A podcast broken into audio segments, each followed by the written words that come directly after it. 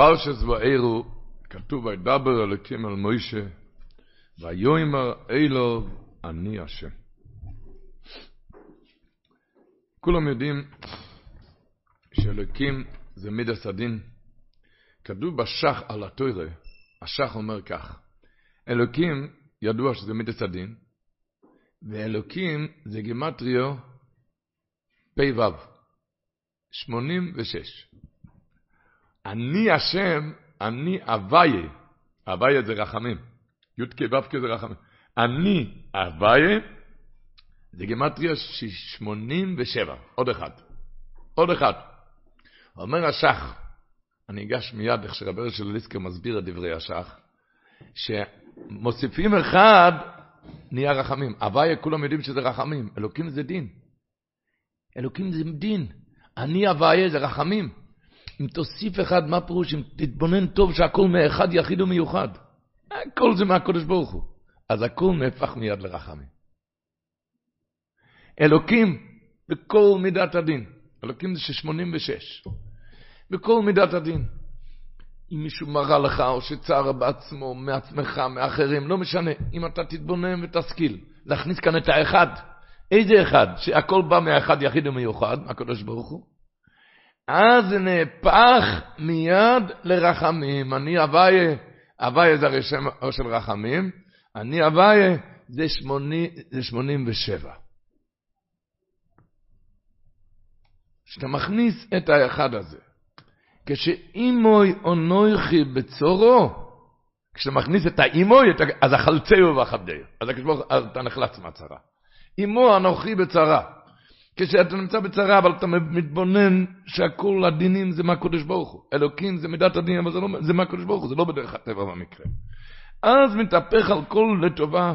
זאת אומרת, כשהבן אדם אומר בכל דבר, הוא אומר שהקדוש ברוך הוא עשה את זה, זה לא במקרה, ועל ידי זה, אם הוא ינוחי בצורה, אתה מבין שזה עם הקדוש ברוך הוא, אז אכלצהו וכבדהו. בכל צרה וצרה שלא תבוא, ש, שמרומז בשם אלוקים, יכניס את האחד המיוחד, יחיד ומיוחד, יזכור שאני השם הכל מאיתו יתברך, הכל יתהפך לרחמים. וככה הוא מסביר, לכן, הגמרא אומרת, נחום איש גם זו. אתם יודעים, העיקר חסר מהתופ... מה, מה, מהספר, גם זו. העיקר זה גם זו לטובה. למה אתה לא אומר לטובה? אתה היית, קוראים לו נחום איש גם זו. גם זו לטובה, זה העיקר. מה גם זו? לא, גם זו, הכניס את האחד, וממילא זה נהפך לטובה. גם זו, בכל מידת הריבים, גם, יש, גם זה ריבוי. יש כאן עוד משהו. חוץ ממה שאתה רואה את הרעה, יש כאן גם שהקדוש ברוך הוא זה, ואז זה נהפך לטובה. גם זו, כשמה, כש, כש, כש, גם זה לשון ריבוי. הוא רואה את השגחת הקדוש ברוך הוא בכל דבר. וזהו ריבאי עוד אחד ונהפך ממניין אלוקים למניין אני הוויה, שבאמונה זו גופה הופך את זה ממידת הדין למידת הרחם. זה היה כי בסוף הפרשה שעבר, כתוב משה רבינו אמר לקדוש ברוך הוא, לא מוארי אויסו לעום הזה, למה הרי אותה? אז הקדוש ברוך הוא ענה לו את התשובה, אתה יודע איך ממתיקים את הריאות, את הדין לרחמים? על זה הקדוש ברוך הוא ענה לו, איך להמתיק את הדינים זה תלוי בידך, על ידי שאתה תאמין שיד השם עשתה זאת, שהכל זה מהקדוש ברוך הוא. שהכל הכל זה מהקדוש ברוך הוא. יש לפעמים בן אדם אומר, אבל אני עשיתי את זה לבד בידיים. איך הוא אמר, הידיים שלך זה גם בידי שמיים. ידיים ידיים זה גם בידי שמיים. ככה מסבירים, כתוב, גם כי אלך בגי צלמוות לא, לא יראו כאתו עמודי. למה כתוב גם כי אלך בגי צלמוות? בגי צלמוות לא הולכים לבד, מולכים אותו באזיקים. למה גם כי אלך? למה כתוב אלך? למה לא כתוב? היה צריך להיות כתוב גם כי יוליכוני. אומר, לא, יש לפעמים שהבן אדם עשה את זה בידיים, בידיים. אפילו אם אלך, אפילו אם אני עשיתי את זה בידיים, אני הלכתי, אני עשיתי. אז גם תזכור כאתו עמודי, הכל מאת השם. ראית השמות הזאת. עשיתי כזה טעות, למה עשיתי את זה, למה, למה? תזכור גם כי אתה יודע, הכל זה מהקדוש ברוך את האמונה הזאת היא להכניס, שבכל דבר אומר אב טירוף, אוהב ישראל, טובה תוכחת מגולה מאהבה מוסתרת, כך כתוב במשלי כ"ז. אז הוא אומר, אתה יודע מתי התוכחה, התוכחה, זה יהפך לטובה? אם אתה תאמין שהאהבה מסותרת, כאן מוסתר לך אהבה. טובה תוכחת מגולה. מתי התוכחת תוכחה זה דבר לא טוב, תוכחו. מתי התוכחו יהפך לטובה? כשאתה תגלה מאהבה מסותרת, אתה תצא כאן מוסתמן אהבה. כאן מוחבא אהבה. יש מו יהודי במונסי, אדמו"ר משינבה, הוא בגיל 92, והוא מספר, כשהוא היה ילד, אז המלמד למד עם כמה ילדים, זה לא היה כמו היום תלמוד תורה כיתות, אלא אותו מלמד למד הכל. בקיצור, והמלמד הסתובב עם חגורה להרביץ לילדים שלא יודעים, ככה זה היה לפני 80 שנה. לפני 80 שנה חגורה היה למעלה קש... אור עם קשרים, כדי שהילד לא יהיה בבחינת שותה אינו מרגיש, היה שם קשרים למעלה. והוא בחן, ומי שלא ידע, הוא נתן לו עם ה...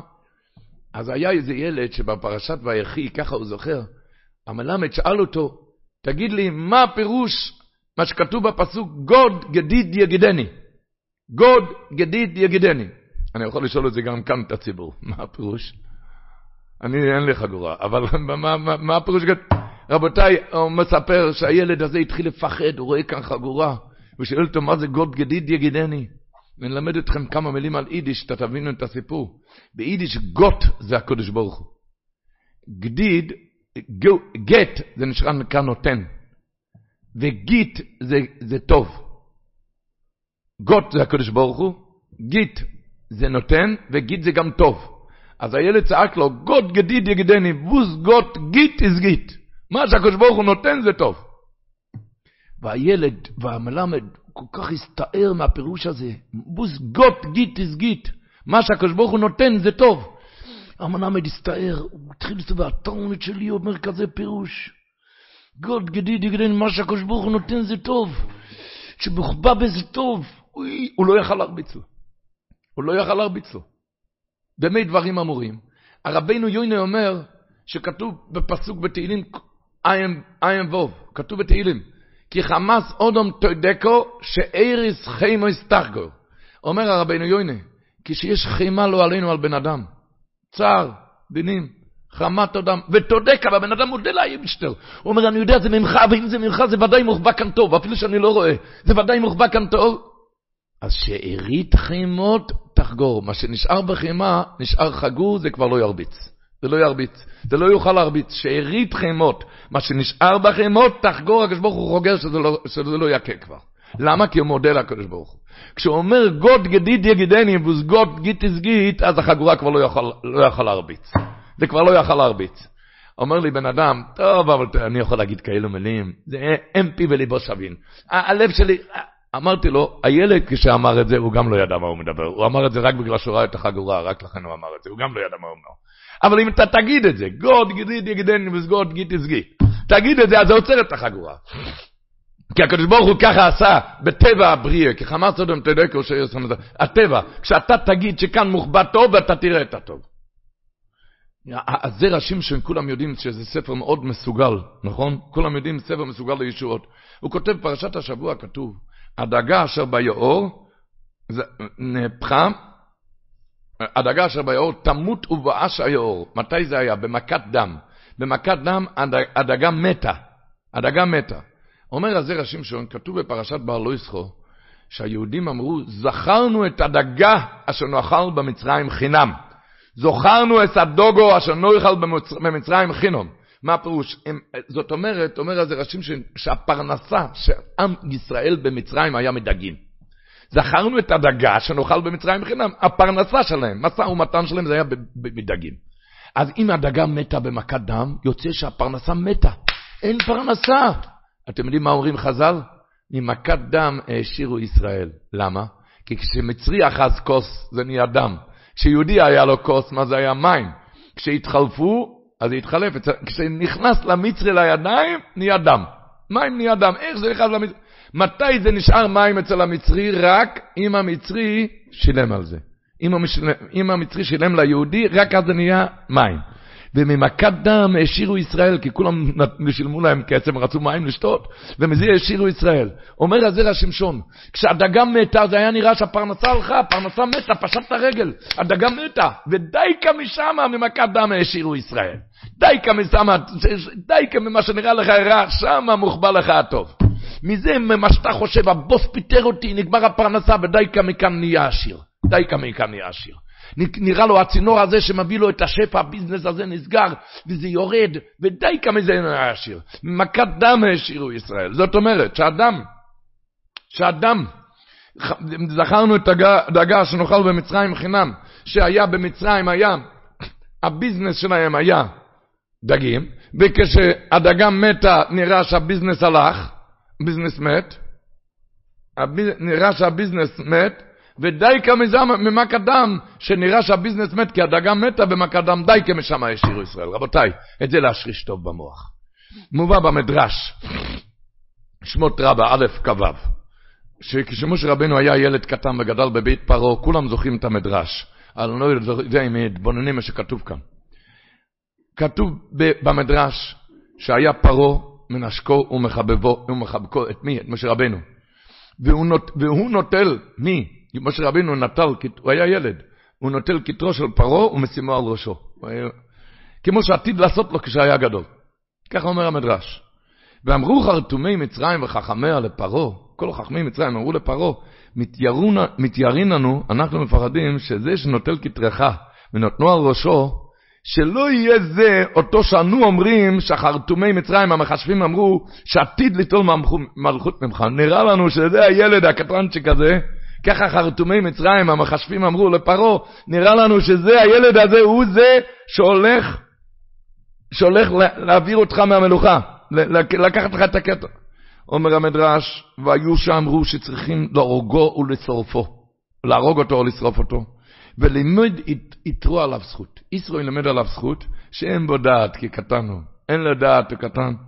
ואמר להם, הנה, נראה לכם סימן אם יש לו דעת או לא. שימו לפניו בקערה זהב וגחלת. והיה, אם יושיט ידו, ידו לזהב, סימן שיש בו דעת. אכן, אם יושיט ידו לגחלת, הרי זה מורה שתינוק הוא. אומר המדרש, מיד הביאו לפניו, ושלח, ושלח ידו לקח, מה הוא שלח ידו? לקח זהב. ובא גבריאל, מל, מלאך גבריאל בא ודחה את ידו ותפס את הגחלת. מי? משה רבינו לקח את הגחלת והכניס ידו עם הגחלת לתוך פיו ונכווה לשונו, וממנו נעשה כבד פה וכבד לשון. רבותיי, באותה שעה היה נראה אוי מאוי לנו, לא די שגבריאל לא נתן לו, מלאך גבריאל לא נתן לו לקחת את הזהב, עוד דוחף לו את היד לתוך האש, גרם לו כאב עצום לאותו זמן ונזק בלשונו לכל ימי חייו, נזק בלשונו. היה נראה הרע הכי גדול. תראה, במקום זהב, המלאך לא נותן לי לקחת זהב, עוד מכניס את הידיים לתוך הגחלת. אוי, זה כבר לתוך הפני, אבל... אבל האמת היא שבאמת זה היה נס גדול להציל אותו מגזר דין מוות. זה לא היה רעה, אלא היה טובה עצומה. רק מה? לא כל מוח מבין את זה. זה משל על כל ימי חיינו. נראה לבן אדם כאילו דחות החתני לנפול, אבל הקדוש ברוך הוא אומר, נראה דחות החתני לנפול, נראה שהקדוש ברוך הוא דוחף אותך לתוך השם ישמור. אבל האמת היא זה רק בשם עזרני. ככה אומר הרבות, רבינו הרוקח במחזור, הוא אומר בסידור, מן המיצר קרוא סיכור, בן אדם צועק מן המיצר, צר לי. עונוני הקדוש ברוך הוא עונה, אתה טועה, זה במרחב. זה נראה לך צר, נראה לך דחו לך את הזהב, לקחו לך את הזהב, מכניסים את היד לגוחלת, מצילים לך את החיים, אתה לא רואה הכל. אתה לא רואה הכל, אתה לא מבין. עלינו רק להבין ולהאמין.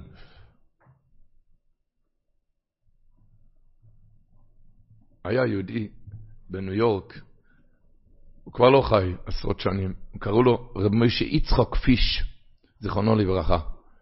רב משה יצחוק היה מסתובב אצל אנשים והיה אומר, תעשה לי טובה, תן לי חיוך. חיוך, תן לי חיוך. אשמייכו, גמר אשמייכו, תן לי חיוך. היה מבן אדם לבן אדם, פעם הוא עצר אוטובוס.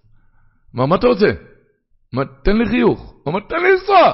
לא, לא, לנסוע רק עם חיוך. הוא פגש פעם את האדמו"ר מסטמר זצ"ל. אז הוא אמר לאדמו"ר, תן לי חיוך. אז האדמו"ר מסטמר צחק חזק ואמר, השם שלו גורם את זה, למה? כי אי צחוק זה צחוק, חיוך. צחוק זה חיוך. ומוישה קראנו בתורה כי מן המים משיסו, משכתי אותו. לכן הוא מושך חיוכים מבני אדם. מן המים משיסו. למה הוא הסתובב, תשמעו טוב, למה הוא הסתובב עם ה... תן לי חיוך. כי היה לו מוירדי גמייסה, סיפור נורא אצל הרבר, רב שיילה קרספירה. היה לו בת שהיא הייתה עד שערי מוות לא עלינו, חולה עד שערי מוות לא עלינו, והוא רץ לרב שיילה, ורב שיילה אמר לו, רב שיילה אמר לו, תן חיוך. גבע שמייכל, תן חיוך. מה רבא, מה החיוך לפני שערי מוות שם, השם ישמור? אמרתי לך משהו, כן? תן חיוך. אז הוא חייך חזק, ואחר כך שיילה אמר לו, תכף הוא יכול ללכת הביתה, תיסע הביתה. הוא נסע הביתה, ונהיה יותר טוב, ונהיה בריאה ושלמה, ויש לו נכדים עד היום. ומאז רב משה יצחק קיבל על עצמו את, ה, את, ה, את הקבלה הזאת, שמה? לכל בן אדם תן חיוך, כי הוא ראה שחיוך זה רופא. זה רופא, חיוך זה מרפא. אמר שהגימורה אומרת בבובקמן נ"ז, שכוס חלב זה רפואה. מי שזוכר, הגימורה בבובקמן נ"ז, כלפי העז, שכוס חלב זה רפואה. אומר, טוב מלבין שיניו של חברו, מוציא מהשני חיוך, זה יותר רפואה ממשקה וחלב. יותר רפואה. איך אומרים, חלב זה, אם אתה בשרי אסור לך, אבל מלבין שיניו אתה יכול 24 שעות ביממה. אז זה הפירוש בפרשת השבוע, רבותיי, חז"ל אומרים שהגזרה הייתה בברית בין הפטרים, כמה היה הגזרה? 400 שנה. למה היה שעבוד רק 210 שנה? למה רק 210? כי אומרים שמתחילים לספור את זה מלידת יצחק. אני אומר ככה, זאת אומרת, הגזירה היה 400 שנה. רק כשנולד יצחק, נולד חיוך, אז זה התבטל, נגמר ב-210 שנה. נולד חיוך. פרופסור שמחה קוראים לזה. הפרופסור שמחה, הזריקות שלו זה יעיל וזריז. מי אומר את זה? אומר את זה במשנה, אומר את זה הגאון מווילנה, על הפסוק רוח איש יכלכל מחלהו. הוא אומר, בכל מחלה, בכל חולי, בכל צער, בכל עגמת נפש, אם המצב רוח יהיה טוב, זה יבטל את המחלה כליל. את המחלה אפילו כליל. וידבר, זה כתוב כאן, וידבר אלוקים אל מוישה, ויאמר אלוב, אני השם. כולם שואלים, שהרי ידוע, וידבר זה דיבור, זה קשה, אלוקים זה דין. פתאום אני השם רחמים. אני השם, ויאמר זה אמירה רכה, אני השם, כתוב, מתחיל וידבר אלוקים, וידבר זה דיבור קשה, עונש. אלוקים זה דין. אחר כך ויאמר אליו אני השם, ויאמר זה רחמים, זה אמירה רכה, שם הוויה זה גם רחמים. מה הולך כאן? אומר האויב ישראל האפטרוב, כתוב פסוק, מפי עליון לא תצא הרעות והטוב. כשבא לבן אדם איזו סיבה לא טובה, סיבה לא טובה, צרה, דחקות, חס ושלום, אז הוא חייב להאמין שכאן מוחבא בשבילך טוב. כאן מוחבא לך טוב. וכל איש מזרע ישראל מחויב להאמין בזה שהכל הוא לטובתו, מעיס השם מזבורך דרכו להיטיב לברואיו, ובפרט לזרע ישראל עם סגולתו. רק מה? רק עכשיו זה עדיין לא יתגלה. אבל תדע שברגע שאתה תג... תצעק גוד גדיד יגדני וסגוד גיט תסגית, שכאן מוחבא הטוב שלך, אז זה יהפך לרחמים. מסביר בזה האפטרו, כשבן אדם משכיל לדעת שיש כאן טובה, שאפילו שאני לא רואה את זה, אז הוא מסביר, זה הפירוש בפסוק, טויבו תוכחס מגולה מאבו מסתרס. מה הפירוש? שגם תוכחת מגולה זה גם טובה. למה? כי הרי מוסתר בזה אהבה. מוסתר בו, כמה מוסתר היהלום שלך. אז זה, זה הפירוש. וידבר אליקים אל מוישה, רש"י אומר שהוא דיבר איתו קשות, הוא הוכיח אותו. את משה רבינו, למה אמר לא מוארי אויסו? מיד הוא אמר לו, אבל ביום אלו אני השם, שגם דברים שנראה לך כתוירך, תדע ששמה אני השם, שמה שורש, שורש הרחמים. אפילו וידבר אלוקים, אפילו מה לך דיבור קשה, אבל תדע שביום אלו אני השם, שמה מוחבא בשולך הרחמים, כמו שדיברנו, כמו שדיברנו, ששם, שמה מוחבא בשולך הרחמים. הימים האלו זה ימים להוסיף הוא היה אומר, פחץ קלמשטיין, אומר שעומדים במי השובבים, אומר, חסידים אנשים מעשה היו מתחזקים בעבודתם הרוחנית בימים האלו. אומר, פחץ קלמשטיין, מתענים ומרבים באמירת סליחות, אבל נראה, ככה הוא כותב, נראה שהדגש העיקרי בעבודת החיזוק חייבת להיות בענייני האמונה. דדו בי כולה בי, מי שיש לו אמונה הכל בו. כל אשר מתחזק באמונה, הכל נמצא בו. בו חבקוק, אומרים חז"ל, ומדן על אחת, וצדיק באמונתו יחיה. אז הוא אומר, אתה רואה באמת שכל הפרשיות האלו, זה להגביר אמונת השם בקרבו, מיציאת מצרים והכל. הכל זה להגביר את האמונה, לחיות עם אמונה. לחיות עם אמונה בבורא עולם. נכנס שבוע שעבר מישהו לאיזו ישיבה. יש שם אחד בחור שהוא לא... בירושלים היו אומרים על אחד שהוא חסר דעה, היו אומרים, מתעלם ממנו, הוא לא עם כולם. אז הבחור שלא עם כולם היה שם, ב... נמצא בישיבה, ושבוע שעבר נכנס עוד בחור, מישהו אחר שהוא לא עם כולם. והראשון לא עם כולם צעק לו, תשמע, תסתלק מכאן, כזה ישיבה נורמלית, זה לא בשבילך. הראשון שהוא לא עם כולם, הצעק לשני שהוא הגיע שבוע שעבר, זה לא בשבילך, זה בישיבה נורמלית, זה לא בשבילך. וכולם צחקו, למה צחקו? כי אתה אומר לו, אתה כן עם כולם. אמרתי לו שככה צוחקים עלינו בשמיים. הוא בוכה, מה אתה בוכה? כאן רואים הכל, כאן זה נורמלי. אתה, אתה צוחק על השני שלא נורמלי, אתה לא יודע מה, אתה חושב, אתה מצליח. ככה צוחקים עלינו בשמיים, יש, ויאמר אלו ואני השם, יש הקדוש ברוך הוא שמעניק את כל האוילמס, ובזה להתבונן. אומר אספסמס, זה הפירוש שכתוב בפסוק נקרא מחר, וידעתם כי אני השם אלוקיכם, המוציא אתכם מתחת סבלות מצרים. הוא אומר, הידיעה הזאתי, שווידעתם כי אני השם אלוקיכם, זה מוציא את הבן אדם מכל הסבל. אם אתה תבין את הידיעה שהכל זה הקדוש ברוך הוא, זה יוציא אותך מכל הסבל, מכל השעבודים, מכל המיצרים, שאתה תתבונן וידעתם כי אני השם. זה מוציא אתכם מכל הסבל.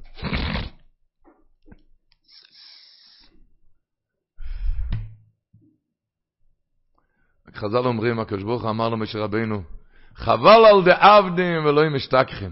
אומר אמור עיניים, על מי הוא אמר חבל על דעבדים ולא משתכחים? על האבות, הקדושים. הוא אומר, יש בן אדם מדבר אמונה, כשהגיע למייס, איך אומרים? אתם יודעים, אומרים, אדון המגיד אמר פעם, שהיה איזה מלמד שהלך עם התלמידים ביער, והוא ידע, הם יפחדו, עוד מעט תראו כלבים, הם יתחילו לפחד מכלבים, אז הוא אמר, כשרואים כלב לא לפחד, רק מה, להגיד את הפסוק, ולכל בני ישראל לא יחץ כלב לשוינוי, להגיד את הפסוק הזה וזהו זה, ושום דבר לא יזיק. בקיצור, אומר אדון המגיד, הם הלכו שם ביער, ופתאום המלמד רואה כזה כלב גדול, הראשון שלקח את הרגליים וברח זה היה המלמד. הוא התחיל לברוח. הילדים אחר כך שאלו אותו, רבי, למה ברחת? הרי אמרת שיש איזה פסוק. אז הוא אמר להם, אני אגיד לכם, כשאני ראיתי את הכלב, נכנס לי כזה פחד ששכחתי את הפסוק פשוט. שכחתי את הפסוק.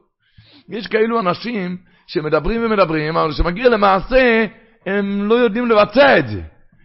יש בן אדם שאפילו, ש... למה? כי כשהוא דורש, כשהוא מדבר, הוא במדרגות. רק כשמגיע ניסיון אין מדרגות, אז הוא מאבד את כל המדרגות. אמר הקדוש ברוך הוא למשה רבינו, אומר אמור עיניים, חבל על דעבדים ולא משתכחים, חבל על האבות הקדושים אפילו כשאיבדו את כל המדרגות, כשהיו בניסיון, לא משתכחים, אז הם לא שכחו שאני עושה הכל. חבל על דעבדין, דעבדין עם א', כשאיבדו את כל המדרגות, כשהיו בצצר, ולא משתכחים, אז הם לא שכחו שאני הכל, והכל לטובה. לא רק דיברו מזה בדרשה, רק כשהיה למעשה, אז הם הבינו. טובה תוכחת מגולה מאהבה מסותרת. שמה? שכשיש טובה, איך אתה הופך את הטובה, את התוכחה לטובה? שתבין טוב שהאהבה מסותרת.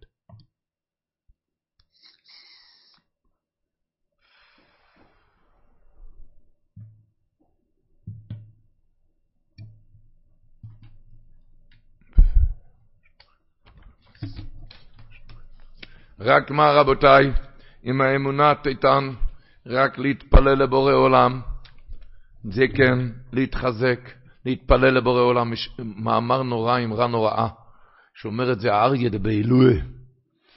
קראנו בשבת בפסוק, ויאמר אל עמוי, פרוי אמר לעמו, הנה עם בני ישראל רע ועצום ממנו.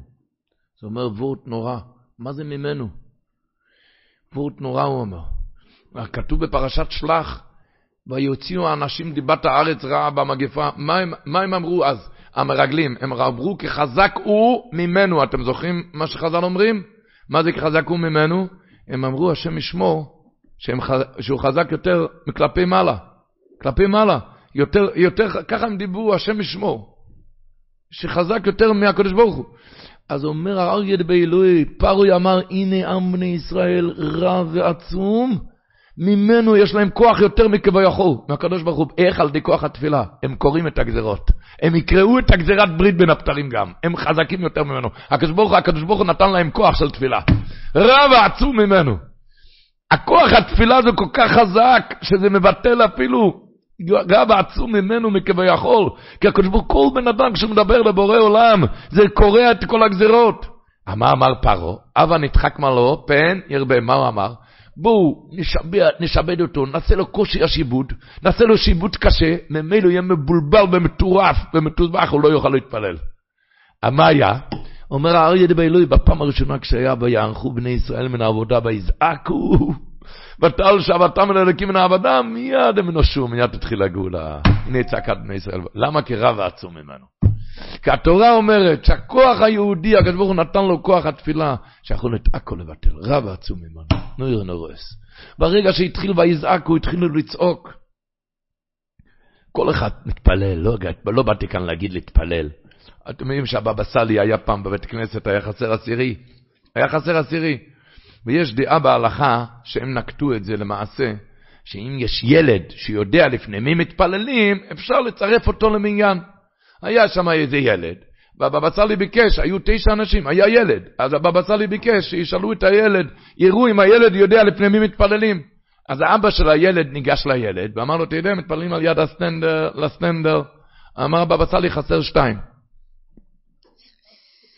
שאנחנו נבדוק לנו אם יש מניין, רבותיי. תבדוק את עצמך. תדע מה זה רב העצום ממנו. תדע איזה כוח יש לך בתפילה. תדע איזה כוח, אדיר. וגם אני שמעתי את נאקת בני ישראל, בן אדם בצער, איך שזה עובר, מיד, מיד עולה לקדוש ברוך הוא. הנה צעקת בני ישראל באה אליי, אומר הישמח ישראל, לא יכלו אפילו להתפלל, רק צעקו אוי ויי. אוי ויי, הנה בזה הצעקה באה אליי.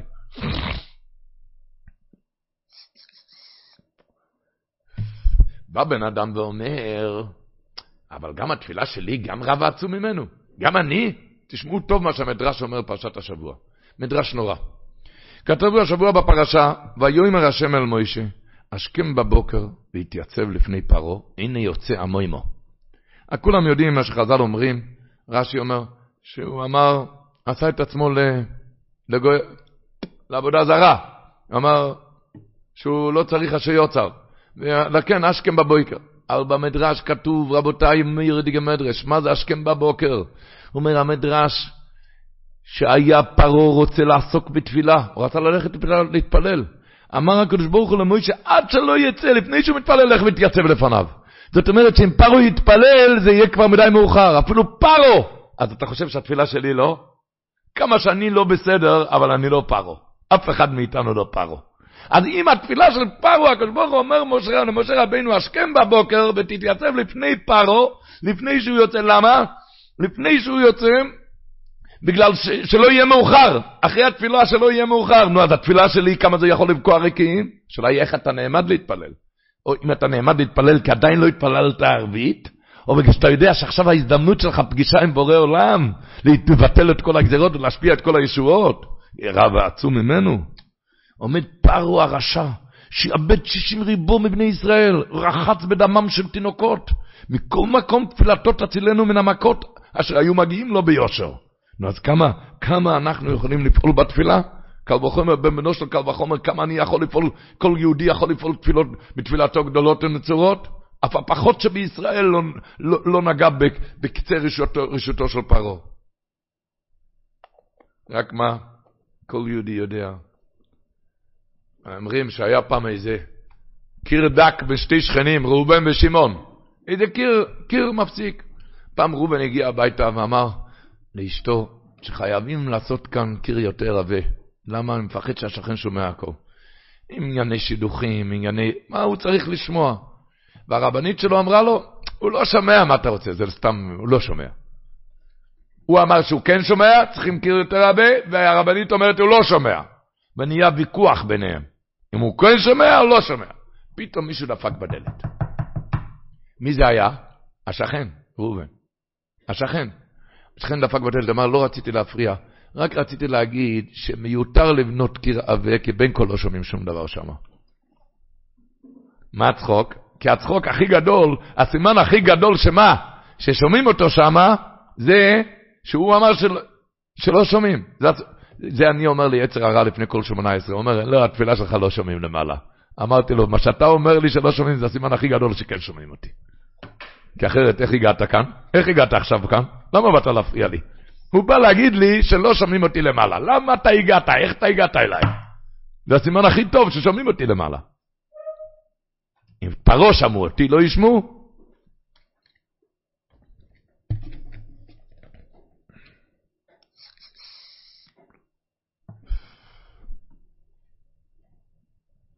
אבל האיקרים כותב במאמר ד' פרק ט"ז, הוא אומר שהפחות שבפחותים, הרשע הכי גרוע, התפילה שלו הקדוש ברוך הוא שומע. מה הראייה שלו? ממנשה בן חזקיהו, מלך יהודו. מנשה אומר, העמיד צלם בהיכל, ככה כותב הבעל האיקרים, בעל האיקרים. הוא כותב, הוא היה רשע גמור, הוא כותב, ולא היה מי שאמרה את פי השם והפליג בעוול כמוהו, לא לפניו ולא לאחריו. ככה הוא כותב. לא היה מי שעשה כל כך הרבה, אמרה את פי השם כמוהו. הוא האמת צלם בהיכל, וגם דם נקי שפך מנשה הרבה מאוד, ואף על פי כן הוא אומר, ביצר לו כשהיה לו צער חילה את פני השם אלוקיו, וייכנע מאוד מלפני אלוקי אבותיו, ויתפלל אליו, ויעתר לו השם, וישמע תחינתו, וישיבהו ירושלים למלכותו. למדנו מכאן, אומר הבעל שאף אם יהיה המתפלל בתכלית הרוע כמנשה, הרי הוא מוכן לקבל החסד על ידי התפילה. אפילו, אפילו בתכלית, בתכלית הרוע. נו, אז רבותיי, בואו נתחזק בתפילה. מי שאומר, איך התפילות שלי, אה? היה אחד, אחד הלבביץ' הרבס, אחד האדמו"רי לבביץ', היה רבנית, היית אומרת הרבה תהילים, היא אמרה עם הרבה טעויות. הרבה טעויות היה לה. הרבה טעויות. והיא אמרה פעם על הבן שלה, שפלא שהיא אומרת כל כך הרבה תהילים ולא זוכרת את זה בעל פה. אז הבן אמר לה, מה הפלא? הרי כל יום את אומרת משהו אחר. טעויות, היה שם טעויות. אז היא אמרה פעם לבעלה, לאדמו"ר, לאדמו"ר, שאולי היא תפסיק להגיד, כי ה... אומרת, היא אומרת עם טעויות, והבן אומר, צוחק, אולי תפסיק להגיד. הלבביצ'ר מיד קרא לבן שלו, מיד, וצעק עליו, איך אתה צחקת על התאנים של האמא? הוא צעק לו, כל ההצלחה שלי בפטרבורג, והיה לו הצלחה גדולה בזיכוי הרבים שם, כל, כל ההצלחה זה רק בזכות התהילים עם הטעויות שלה. רק בזכות, ואתה צחקת עליה? תויכל ניבס השם. אה, לא באתי, אה, מותר לציבור להגיד כמו שצריך, גם בלי טעויות. אבל, אבל לדעת, אה, לדעת מה זה, כשאומרים, באמת בתהילים אומרים, שהרי הימים האלו, ימי השובבים, הרי כתוב הרבה בשביל אמירת תהילים, כי זה מתאר את הנשמה. השינו ורוב היה אומר, התחלת שובבים מתחיל, ואלה שמות בני ישראל הבאים, ואלה שמות בני ישראל הבאים, סופי תיבות תהילים. למה? כי בימים האלו זה לעבוד באמירת תהילים, כל אחד ואחד הבאים מצרימה, המצר, המצרים שלו, המצוקות שלו, שם טמום וגנוז, כוח רע ועצום להוציא אותו מכל מכל הבעיות, מכל הבעיות. גם הרי זה נהוג בכל תפוצות ישראל, מגנים תהילים, שבכל תפוצות ישראל נהגו בזה, שהם אומרים, היה אגוסטנינו, קראו לו התהילים רבה, למה? כי על כל צער, משהו צריכים. הוא היה אומר, למישהו היה אומר, לגמור את התהילים, למישהו היה אומר להגיד עשר פרקים, למישהו אמר קפיטל פלוני ופלוני. אז שאלו אותו, ועשה מופתים ונפלאות עם אמירות התהילים. שאלו אותו, מה זה, מופתים? אמר, לא, לא, לא, זה לא מופתים. האדמו"ר מקוצקה היה הרבה שלי. הקוצקה הרבה אמר שאם דוד המלך היה מחבר את תהילים על הסדר, זה הרי לא על הסדר. כי למשל, מזמור ג' זה מזמור לדוד בבורכו מפני אבשולם בנוי. מזמור נ"ט זה בבורכו מפני שאול במערה. זה היה הרבה לפני זה. בבורכו מפני שאול במורו. זה, זה, זה, זה, זה היה הרבה לפני זה. ו, וזה כתוב לפני, אז הוא אמר הקוצקי רבה, אם דוד המלך היה מחבר תהילים על הסדר, היה אפשר לחיות מתים בתהילים.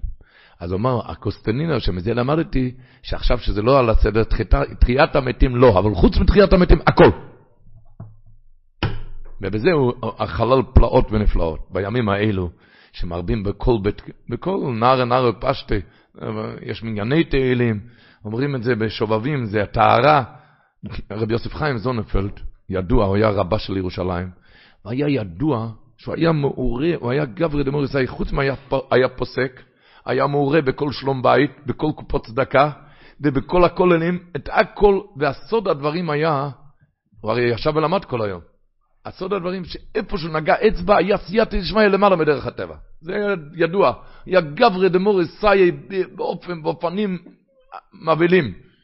וככה הוא ניהל את כל ירושלים. שאלו אותו, איך, איפה אתה מכניס אצבע, יש כזה סייעתא דשמיא? אמר, בזכות שאני גומר כל יום את התהילים. אז שאלו אותו, מה פתאום לקחת על עצמך כזה דבר? אז הוא אמר, בגלל שהוא התחתן אחרי גיל 20. הגימור הרי אומרת שאחרי גיל 20 העירו אבערה שם, אז לת... ואין דבר שמתאר את הנשמה כמו ספר התהילים, לכן לקחתי את זה. בפשלוימי קלוגר, גאון ישראל וקדושו, גם אומרים שגמר כל יום את התהילים. אבל רבי יוסף חיים זונפלד, אתם מבינים, הוא היה, המתמדים הגדולים האלו יש להם זמן גם לגמור את התהילים. אני לא באתי כאן להגיד על כל יום תהילים, אבל פעם בשבוע שובבים, תיקח את זה, זה, זה רק שומר. היה האדמו"ר מתולדות אהרון זיכרונו לברכה, סיפר איזה אברך שנכנס אליו ואמר לו שגילו אצלו את המחלה הנוראה, לא עלינו. בירך אותו, הופעה שלמה, נכנס אליו עוד הפעם. אמר לו, שאל אותו האדמו"ר, תגיד לי, אתה אומר כל יום כמה מזמורי תהילים? אתם יודעים, בתהילים יש מזמורים של השנו הקודש, שמסודר לכל יום. אתה אומר כל יום כמה מזמורים? אז אמר לו, לאו דווקא, איך אומרים? דווקא לא. אז אמר לו, למה הרבי שואל? אני אגיד לך, למעלה, בשמיים יש בנק. כמו שכאן יש בנק, מכניסים שם כסף, ואחר כך אתה כותב צ'ק, מכבדים את הצ'ק אם יש כסף. אם אין כסף, מחזירים את הצ'ק, נכון? אותו דבר למעלה בשמיים יש בנק, קוראים לזה בנק תהילים. כשנכנס שם תהילים, כל יום כמה מזמורים, שובבים, גומרים, נכנס שם תהילים, כשיש קטרוג של הבן אדם, שהבן אדם אפילו לא יודע מזה, כי התהילים בא ומחסל את הקטרוג. מחסל את, כמו שהכסף מחסל את הצ'ק. אבל אתה לא מכניס שם תהילים, אז אתה הרגשת את הקטרוג. מכניס תהילים, ובימי השובבים, כתוב בנוידה ביהודה, מדורי קמא אור החיים, תשובה ל"ה. הוא כותב לאיזה חוטא שביקש תיקון. כותב לו, ידבק מאוד בשירות ותשבחות של דוד המלך, עולו ושלום, שזה דבר גדול להעליב בלב האדם אהבת הבורא ברוך הוא. ואני אקריא כאן לשון מספר עמק המלך, שזה הובא בשלה הקדוש. השלה הקדוש מביא את זה. את כל הלשון הזה של הספר עמק המלך. שלה הקדוש כותב את זה במסכת חולין, אבל תשמעו כל מילה. להבין מה זה כשקוראים תהילים. שכל אחד קורא תהילים, לוקח את התהילים לידיים. כותב ככה, מצאתי כתוב בספר שחיבר מורנו הרב רבי אביגדור קארו.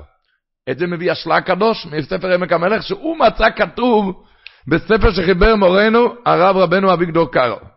שבכפר אחד הסמוך לאיירפורט, היה איש פשוט שלא היה יודע כי אם פשוטי המקרא. אתם שומעים? בן אדם פשוט, לא רק לא הבין תוספות, לא רק לא גמרא, רק פשוטי המקרא הוא ידע.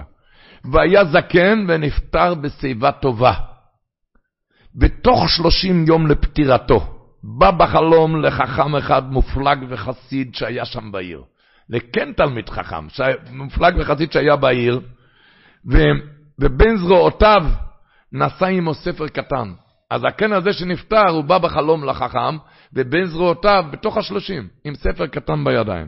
שאלו הרב, הרב שאל אותו, וכי לא אתה זה שקברנו ביום פלוני? לא איתך קברנו עכשיו לפני פחות מחודש. אמר לו, כן, אני הוא. שאלו, שאלו הרב, מהו הספר הזה אשר לך? יש לך ספר קטן, מה זה? אמר לו, ספר תהילים, ובאתי להזהירך, שתזהיר את כל בני היישוב שהייתי דר בו, שימלטו נפשם משם, שיקומו ויברחו מהעיר, כי חלתה עליהם הרעה. כי כל זמן שהייתי חי וגמרתי את כל ספר התהילים, בכל שבוע, בעמק המלך כתוב כל יום, ובשלה כתוב כל, כל שבוע. שגמרתי את כל ספר התהילים או בכל יום או בכל שבוע. זה שתי גרסאות כאן, השלה כתוב כל שבוע. אז הוא אומר, כל זמן שהייתי חי וגמרתי את כל ספר התהילים בכל שבוע כמה שנים, בזכות זה האריכו שלווה. ומעתה, מעכשיו, אין מי שיגן עליהם, שיקומו ויברחו. למחרת קרא הרב לכל בני הקהילה, ומסר להם את הדברים הנוראים שראה בחזיון הלילה, ואכן, כל אלה אשר נסו מהעיר, שברחו מהעיר, הצילו את נפשם. ואלו שנשארו בבתיהם, פגע בהם יד השם רחמנא ליצלן. למה? כי ההוא, הזקן הפשוט הזה, שלא ידע כי אם פשוטי המקרא, רק את זה הוא ידע, אבל הוא הציל את כל העיר. אומר, אז הוא אומר, מכאן, הוא מקריא, את הלשון, כוחם של מזבורי התהילים שהצילו את כל העיר מכליום וחרץ. ומהיום ההוא הוא כותב, ששמע אבי מורי הקדוש ז"ל, היה מסיים בכל שבוע את כל ספר התהילים. כל שבוע, לא כל חודש. אתם יודעים, בתהילים יש כל שבוע, או, יש יום ראשון, יום שני. כי, תשמעו את הלשון שהוא כותב עכשיו הלאה, כי מי שהוא רגיל בדש בו בספר תהילים, הוא דוחה כל מיני פורעניות וכמה פגעים רעים מעליו, אם על כל משפחתו, אם על כל בני דורו, אם מגלגל עליו ועליהם כל מיני שפע ברכות והצלחות. אשרי הזוכר מזכה את הרבים. עד כאן מצאתי בית ספר הנ"ל ברבי אביגדור קר.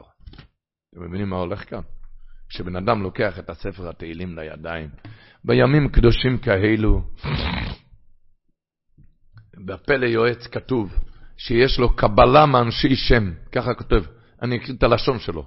ויש קבלה מאנשי שם הקדושים, ככה כותב הפלא יועץ. ויש קבלה מאנשי שם הקדושים, שמי שיש לו איזה דוחק השעה, או צער, או שהוא מהלך בדרך, צריך רחמים או עובר בים או בנהרות, יקרא כל התהילים בכל יום בלי הפסק, בכוונה והכנעה, ויראה נפלאות, וזה בדוק ומנוסה. כך כותב הפלא יועץ. יראה נפלאות וזה בדוק ומנוסה. שומעים? אז היום כשיש כזה מניין תהילים, לרוץ לשם.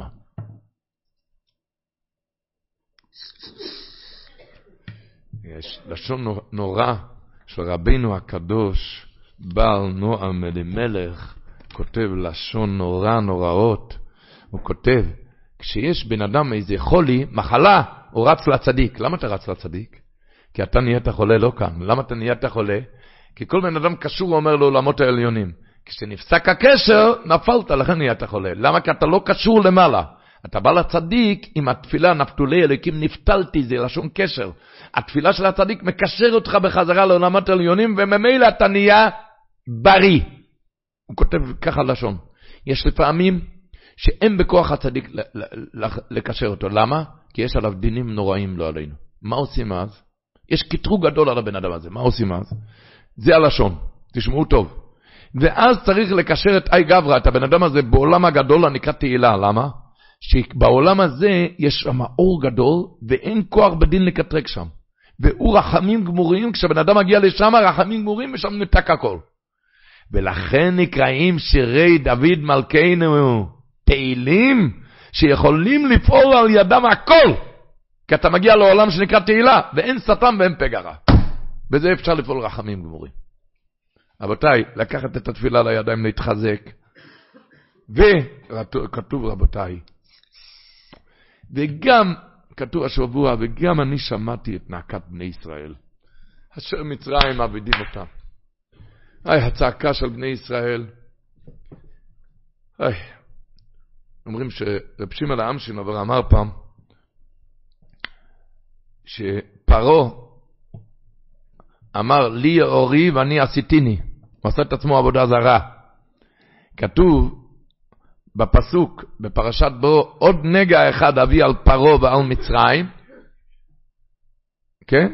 אז אמר רב שמעון האמשינובר, הרי ידוע, כל הנגעים שבאו על פרעה ועל מצרים, זה היה לזכח את ישראל, זה היה נגוף ורפו. עוד נגע אחד אביא על פרעה ועל מצרים. נגע על מצרים, באותו שעה רפואה לבני ישראל. הוא אומר, פרעה זה קליפה עבודה זרה. הוא אומר, לי אורי ואני עשיתיני. מטורף, מבולבל. הוא אומר, אה, עבודה זרה. ובמצרים זה עריות, רחמנא ליצלן, זנות. כי במצרים כתוב בשר חמורים, בשר, בשרם וזרמת סוסים זרמתם, זה השם ישמור זנות. אז הוא אומר, עוד נגע אחד אביא על פרעה ועל מצרים, זה היה נגוף ורפו. נגוף למצרים, ורפו לישראל משתי הבעיות האלו, איזה, איזה שתי דברים? עבודה זרה וזנות. אז השואל, בשלומה, זנות, צריכים לרפא את עם ישראל. אבל עבודה זרה, הרי משוגע, מטורף מדבר ככה, לי אורי ואני עשיתיני, הוא מטורף. איזה יהודי אומר את זה? אז מה אתה צריך לרפות את ישראל? מילא לרפות מזנות, צריכים לרפות את היצר הרע של זנות, לרפות את זה, לטהר. אבל עבודה זרה, לי אורי ואני עשיתני, זה הרי טירוף, אחד שאומר ככה צריך אשפוז דחוף. יכול לומר לי אורי ואני עשיתני. היו צריכים לרפות? מה פירוש לרפות? רבותיי, תשמעו טוב טוב, תקשיבו טוב. רש"י אומר על הפסוק לי אורי ואני עשיתיני. זה פסוק ביחזקאל כ"ט פסוק ג', תשמעו לשון רש"י, ותבינו טוב אם צריכים לתאר אותנו או לא. רש"י אומר, מה אמר פרעה לי אורי? לי אורי ואני עשיתיני. לי אורי, אין לי צורך בעליונים. אני לא צריך סייעתא דשמיא. יש לי אורי המספיק כל צורכי. יש לי את היאור. ואני עשיתיני, ממשיך רש"י, מה הפסוק ואני עשיתיני? בגבורתי, בחוכמתי, גדלתי, גדול, גדולתי וממשלתי. הקליפה הזאת, אני לא צריך להגיע לקודש ברוך אני מסודר, יש לי בוס, אני מנשק, פותח את ידיך, משביע לכל חי רצון ומנשק את התפילין, אבל לא את הלב, כי אני יש לי בוס, אני מסודר עם הביזנס, זה הקליפה, לי ההורים אני עשיתיני. הוא חושב על הכישרונות שלו, הוא סומך, על, על, על הבוס שלו, שעל, כל אחד יודע על מה שלו. זה, זה הקליפה פל, של פרעה שהיו צריכים ברפו לישראל. ככה כתוב במדרש אויסיאס דרבא קיבי, על הפסוק לי ההורי, שפרוי אמר למשה רבנו, אמר, אתם אומרים לי שהקדוש ברוך הוא מוריד טל ומטר? אני אינני נזקק לו, אני לא צריך לו, למה? כי יש לי כבר נילוס, נהר נילוס. זה הקליפה הזאת, אני לא, פותח את ידיך, הוא לא מרגיש תלוי בקדוש ברוך הוא. לא מרגיש תלוי בקדוש ברוך הוא. כל אחד יש לו את היהורים שלו, והכישרונות, חברים, קשרים, עבודה. עיקר תפקידנו לחיות בהכרה, אין לי שום יאור, יש לי צורך בעליונים. הקליפה של פרו היה לי יור, יש לי כישרונות, ואני עשיתיני. אני צריך לצעוק, אין לי שום יור, יש לי צורך בעליונים, אני מגיע רק לקדוש ברוך אבל אני התכוונתי עוד איזה מילה, כאן כתוב, וגם אני שמעתי את נעקת בני ישראל. מה זה וגם? אוי, מה זה וגם? כתוב בספרים הקדושים, שהקדוש ברוך הוא אומר, אם אתה שומע צעקה של השני, אומר הקדוש ברוך הוא, אני שומע גם צעקה שלך.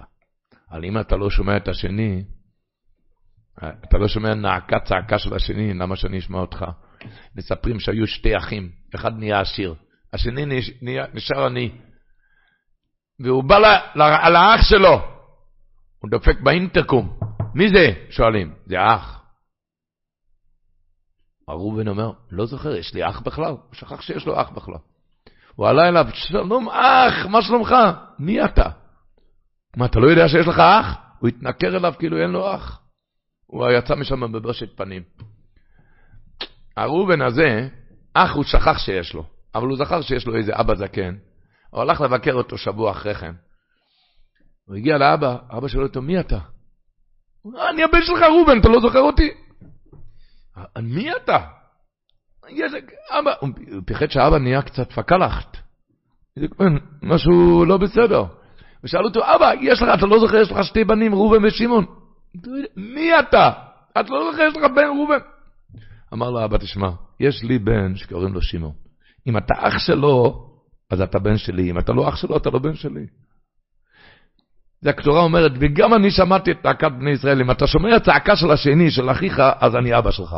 אם לא, אז מה, מה, מה, מי אבא? אה? לא מבינים? אספר עוד סיפור, תבינו את זה יותר טוב. היה אחד שעבד בחברה קדישא, לא עלינו, שלא נדע, שלא יצטרכו. אז, והוא היה צריך לחתן, וכולם יודעים, בחברה קדישא אי אפשר לחתן. אי אפשר לחתן מהכסף של חברה קדישא. הרי מתפללים שיהיה משהו יותר פחות, והיה צריך לחתן. היה לו איזה בן, בן דוד ראשון בטורונטו. הוא קם ונסע אליו, הוא שמח עליו שהוא ייתן לו 100 אלף דולר, כי הוא היה עשיר מופלג, עשיר גדול, אני בן דוד ראשון שלו, ייתן לי 100 אלף דולר, יכסה את החתונה. הוא הגיע אליו, דפק, שלום בן דוד, עזבתי כאן בית עם ילדים, באתי אליך, עלה לי הטיקט כסף, באתי אליך, בן דוד, מה שלומך? מי, הוא הביא מיד הבן דוד שהוא רוצה משהו. אתה מי אתה? אני לא יודע מה אתה מדבר. מה, אתה לא יודע שאני בן דוד שלך? מה אני... את לא, הוא לא מכיר. קיצר, הוא רואה שהוא לא הולך לתת לו שום דבר, וכאב לו הלב, עזבתי בית עם ילדים. אז כרטיס עלה לי כסף. והוא מתנכר אליו, ואומר, מי אתה? אני בן דוד שלך. הוא לא מכיר, אז אמרתי, תשמע, זה שאני בן דוד שלך, על זה לטמן דה פליג, האבא שלי והאימא שלך אח ואחות. רק אני באתי להודיע לך פשוט, אני עובד בחבר קדישא, ואתה יודע שאנחנו מסתובבים אצל החולים לפני יציאת נשמה, אחרי יציאת נשמה. אז אני, אנחנו יודעים מתי הולך להיות יציאת נשמה. באתי להודיע לך שזמנך קרב, ותראה, להתכונן. להתכונן. הוא התחיל לראות, אוי, כאלו מינים, הוא הולך, הולך לעזוב את העולם. אתם יודעים, יש בית עשתונות. שאל אותו, תגיד לי, מה אתה רוצה? מה, מה, למה הגעת? מה, מה פרוש, מה אני רוצה? מחתן ילד, אני צריך 100 אלף דולר. והוא הרי כבר איבד את העשתונות, הוא לא, כבר לא היה, לא, לא היה צלול בדעתו, הוא מיד הוציא צ'ק וכתב לו 100 אלף דולר, 100 אלף דולר, קח, שון. הוא שמח, אחר כך הוא שואל אותו, תגיד לי, אתם יודעים באמת מתי הולך להיות יציאת נשמה? הוא אומר, אתה לא יודע, אנחנו מטיילים במיטות לפני יציאת נשמה. והסימן הכי גדול שהולך להיות יציאת נשמה, אם רואים שהפציינט מפסיק לדבר כמו לעניין, מפסיק להכיר בני אדם. אם רואים שהוא מפסיק להכיר בני אדם, אז רואים שקרב ובא. אבל אני רואה שכתבת את הצ'ק, אני רואה שחזרת להכרה. אתה יכול להיות רגוע. וגם אני שמעתי את נעקת בני ישראל. רבותיי, זה לא צחוק.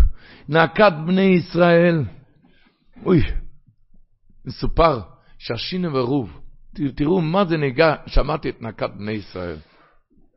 היה שינו ורוב, נכנס אליו איזה חתן בבכי, בדמעות. שאל אותו, מה יש? אתה צריך הכנסת כלה? אמר לא. אז מה אתה בוכה? אומר, שבוע הבא עלייה לתורה, שבת חתן.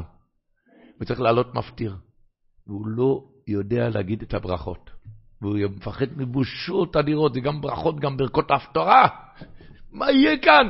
הוא בכה. אמר לו השיני ברוב מיד ברגיעתו, אני מבטיח לך, הכל יהיה בסדר. אתה יכול לנסוע הביתה?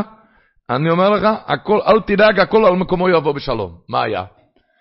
השיני ברוב שמע, זה הולך להיות השבת הקרובה, מיד פקד לגבאים, נוסעים לעיר הזאת על שבת. ושישימו פתקים גדולים, צדיק בא לעיר, צדיק בא לעיר, וכל העיר הגיע השיני ברוב, ערך את השולחן, והשיני ברוב, מטבע הדברים, השיני ברוב מגיע, הוא בל קורא, קורא בתורה. שון, וכשקראו, יעמוד החתן, איך שהחתן התחיל ברחו, לפני, השינו ברור התחיל עם הגינוני אדמו"רות, אוי אוי אוי אוי אוי אוי אוי אוי אוי אוי אוי אוי אוי כמו שמתאים לאדמו"ר, אוי אוי אוי אוי ודפק על הבימה, אוי אוי אוי אוי אוי אוי אוי אוי אוי אוי אוי אוי כוי לי סברוק קולות וברקים, עד שלא גמר את הברכות היה קולות וברכים, כולם ידעו איזה רבי שמייסס כאן, רבי שזכן, אין לנו עסק בנסתרות, כשגמר את הברכות, השינו ברוב קרא, ואיך שהוא גמר לקרוא, התחיל ברוך אתה ברכה האחרונה, גם אוי אוי אוי אוי אוי אוי דפק.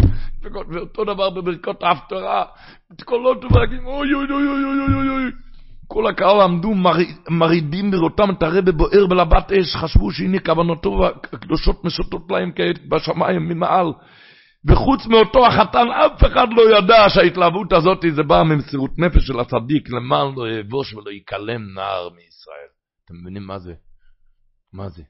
מחר בערב, היורצייט, הילולה של הסבא, קדישה שלי, רבי משה מרדכי מללוב.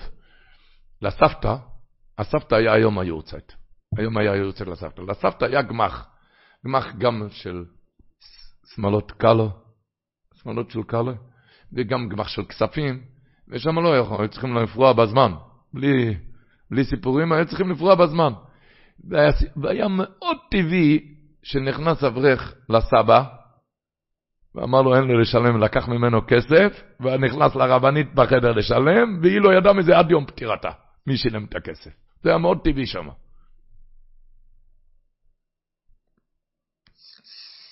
כבר לא מדברים שאיפה שהוא היה גר היה צריך להיות קומה להכנסת אורחים. זה כשיהודים חיים עם הקדוש ברוך הוא, שמעתי את נקת בני ישראל, התפארס יוניסן אומר, הרבה רבי הוא אומר, מוירי די גבורת, שלמה שבט לוי בשיבוט מצרים לא עבדו בכלל. למה פרעה הרשע לא שיעבד את, את שבט לוי?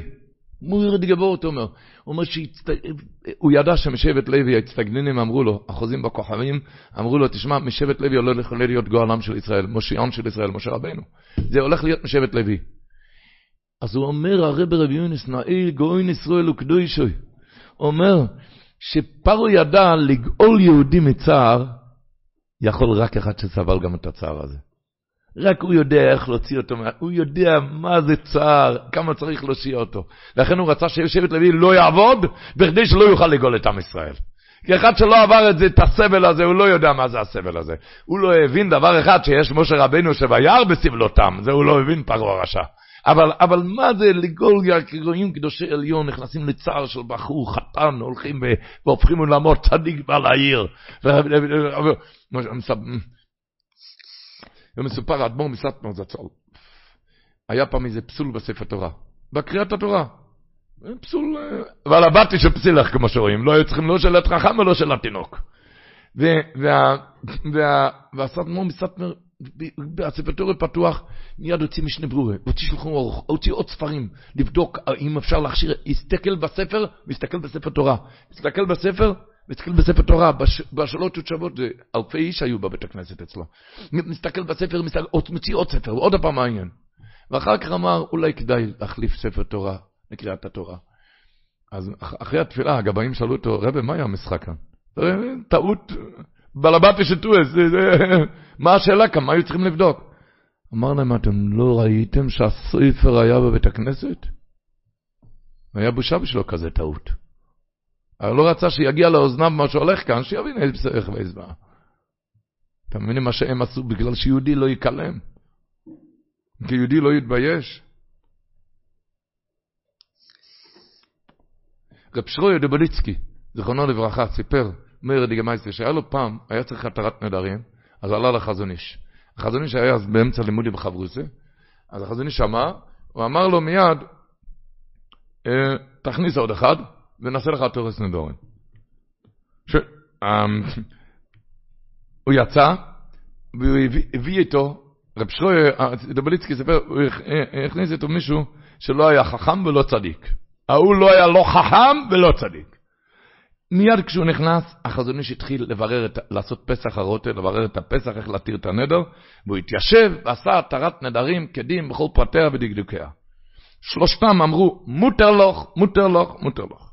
כשהוא, האחד הזה יצא, אחרי שהוא יצא כבר הלך, אמר רב שרויל דבליצק, אמר החזון איש לרב שרויל, תשמע, היהודי הזה שנכנס כאן, הוא אין לו שיח ושיג, ולא מבין, הוא לא יודע מה זה מותר ומה זה אסור ומה זה חייב. אתה חייב להכניס כאן עוד בן אדם. אין לך שום התרת נדרים, לך תביא עוד יהודי, כי בינתיים שום דבר לא מותר, תביא יהודי אחר ונתיר לך את הנדר. אתם מבינים, החזון איש הטריח את עצמו לעשות את עצמו כאילו הוא מתיר את הנדר עם כל הסדר המקובל להתרה הזאת. הכל, הכל בגלל שיהודי הזה לא ייכלם. הרבה יש ללמוד, להתעמק בכזה סיפור של החזון איש, לא פחות מאשר פסקיו בחוי שמשפוט, מהפסקי החזון איש. קצת תראה מה שהוא עשה כאן, שיהודי, לא, לא כשר, לא כשר למניין. עוד יכול להגיד בקול, הוא לא כשר, אי אפשר לצרף אותו למניין. איך אמר רבי יצחק לבורקר? אומרים, היה אומר הרב רבי יצחק לבורקר, שאומרים ששובבים זה על חטא הנודע. אומר, אני אומר על חטא שלא נודע. תקע איזה מילה לשני, והשני כבר שלוש לילות לא יכול לישון. וואלה, לומד בעצמודה, מתפלל בעצמודה. תקע על החטא שלא נודע. הוא לא יודע שאין לו חלק לעולם הבא כבר. לא עלינו.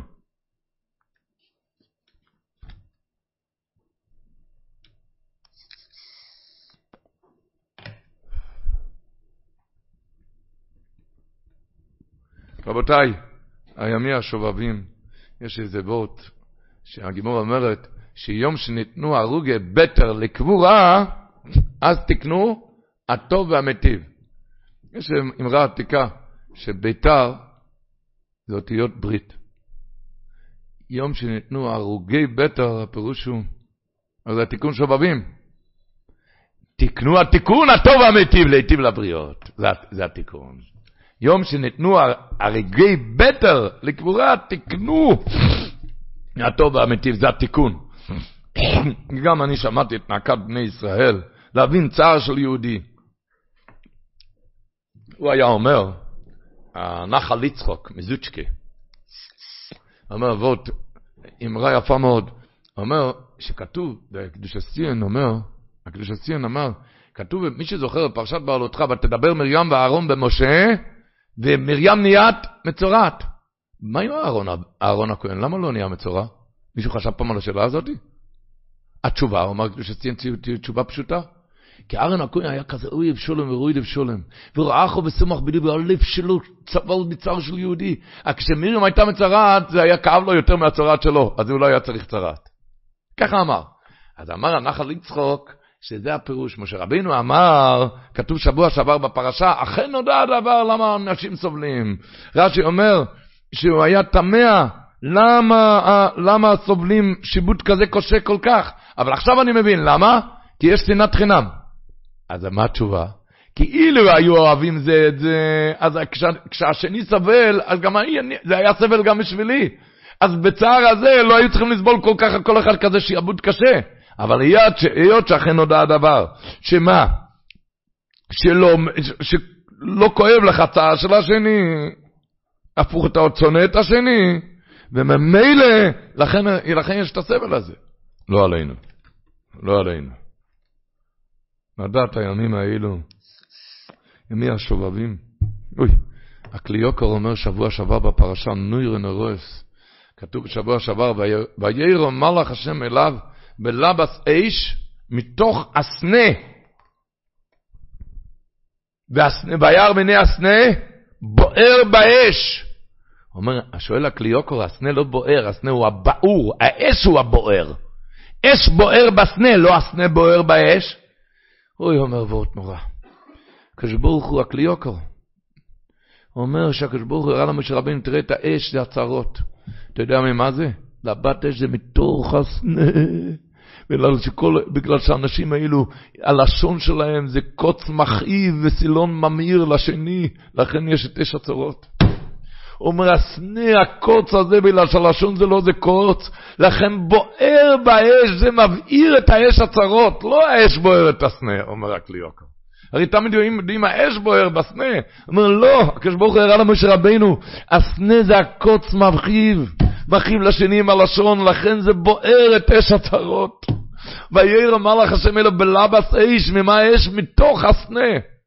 אומר הקליוקר דובר נוירו, שהקדוש ברוך הוא הראה למשה רבינו, אתה רואה את אש הצרות? באיקלס ולמשיחה, אתה רואה? והסנה איננו קל, עוד, עוד ממשיכים לדקור אחד את השני. כמה צרות שיש על, על הממשיכים. אז התיקון, מתקנים, הלשון, הפרי מגדים אומר, פרי מגודים, אומר לדוכי, אומר שעיקר התיקון השובבים זה לתאר את הלשון, את הלשון.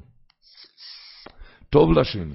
אספסמס אומר, מאיר דגבות, אומר, כתוב, אומר אספסמס, שמשה רביני אמר, אוכל נוידע דובו. מה משה רביני אמר? תומאו איסי. הייתי תמוה למה אנשים, למה סובלים יותר מכל העומס. אוכל נוידע דובו. מה אוכל נוידע דובו? יש דליטוריה, יש לו שנור. אומר אספסמס, מילא, את זה אני שומע. יש לו שנור, אלא כן סובלים. שואל אספסמס, אבל גוואלד, עבר עשרים פסוקים, אחרי עשרים פסוקים, הקדוש ברוך הוא שולח את משה רבינו, לך תוציא את עם ישראל ממצרים.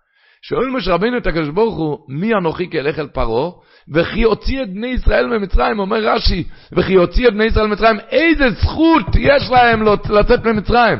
שואל הספסם עשרה, בואי נשאלו אלו, מוישה ראי מאמנה. מוישה ראי מאמנה שואל כזה שאלה, איזה זכות?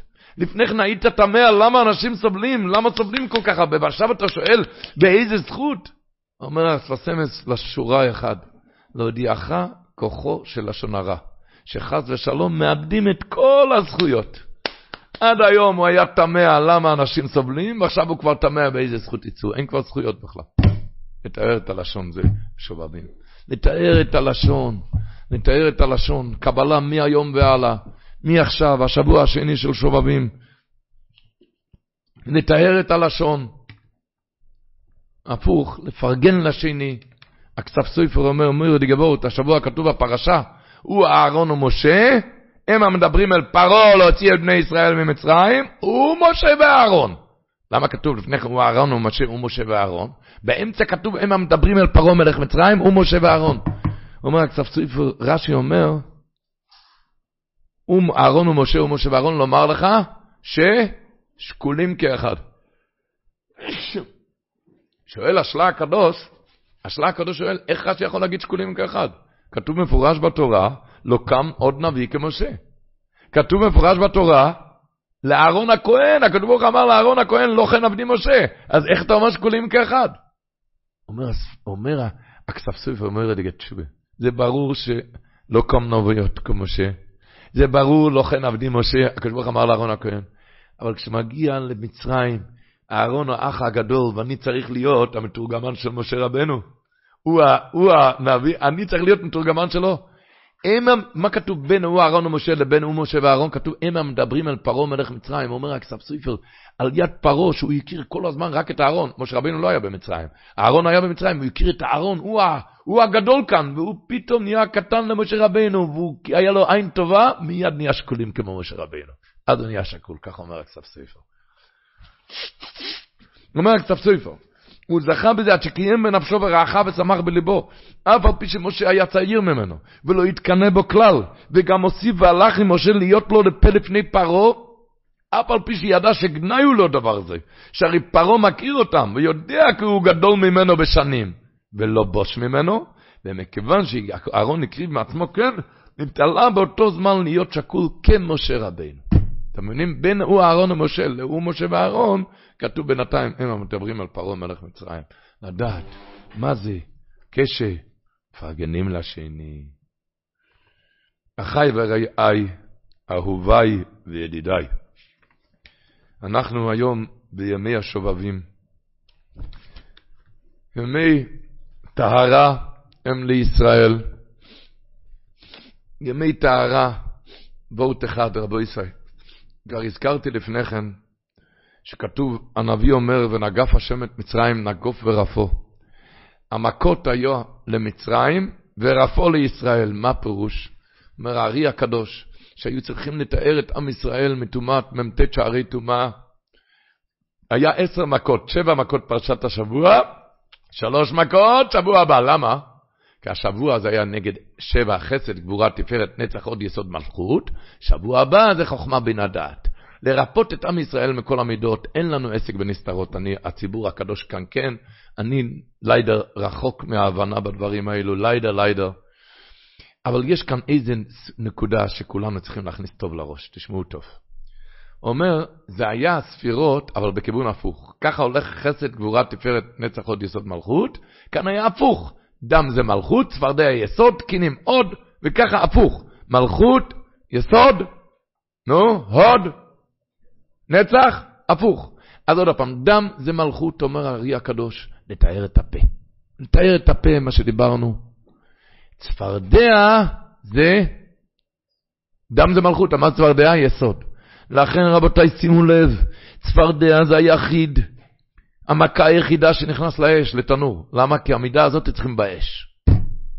המידה הזאת זה לאש, רבותיי. המידה הזאת לאש. מה? כולנו יודעים שהיו בשואה, במלחמה, בחורים, בחורים, בחורי ישיבה, כשלקחו אותם, שרפו אותם בכבשן האש, הם הלכו עם ריקוד לקדש עם שור. אנחנו הכרנו עוד יהודים שהם זכרו את זה. לקחו אותם לקדש. כשאדמו"ר מבלת, זיכרונו לברכה, נפגש עם האמרי אמס, אז הוא אמר לו, הבחורים שלך קידשו שם שמיים שם. כי ככה הם נחזו, לקדש שם שמיים, ככה הם רגלו. רבותיי, הם היו בחורים כמו כולנו, כמו כל הצדיקים כאן. כשמגיע עת ניסיון, הם הוציאו את זה החוצה. הם הוציאו את זה החוצה. אחר, רבותיי, אנחנו אף אחד לא באש, אבל צריך לסבב את העיניים, לסגור את הפה, אל תצעק לקדש שם שמיים. צפרדע נכנס לאש, עמידת יסוד זה לאש, לסגור את העיניים, לסגור את הפה זה לתוך האש. היחיד, רבותיי, אומר, שהאש לא שרף, כתוב בפרשת השבוע, וימותו הצפרדים מן הבתים ומן החצרות ומן השדות. אומרת הגמרא, אבל אותם שבתנורים לא מתו. אלו, ש... אלו שנכנסים לתנור לא מתו. ידוע, ככה כתוב בחז"ל. למה? כי כשאתה נכנס לאש על המידה הזאת, מקבל ניסים, קרדיט של ניסים. במידה הזאת סוגרים את הפה באש, סוגרים את העיניים, אז, אז, אז, אז, נהיה בלנס. המכה היחידה שכתוב על זה, ויצעק משה אל השם, זה רק על דבר הצפרדים אשר שם לפרעה. זה לא כתוב על שום מכה, בכל המקס כתוב ויתר משה, לשונות אחרים של תפילה. ויצעק, זה כתוב רק בזה, אתה יודע למה?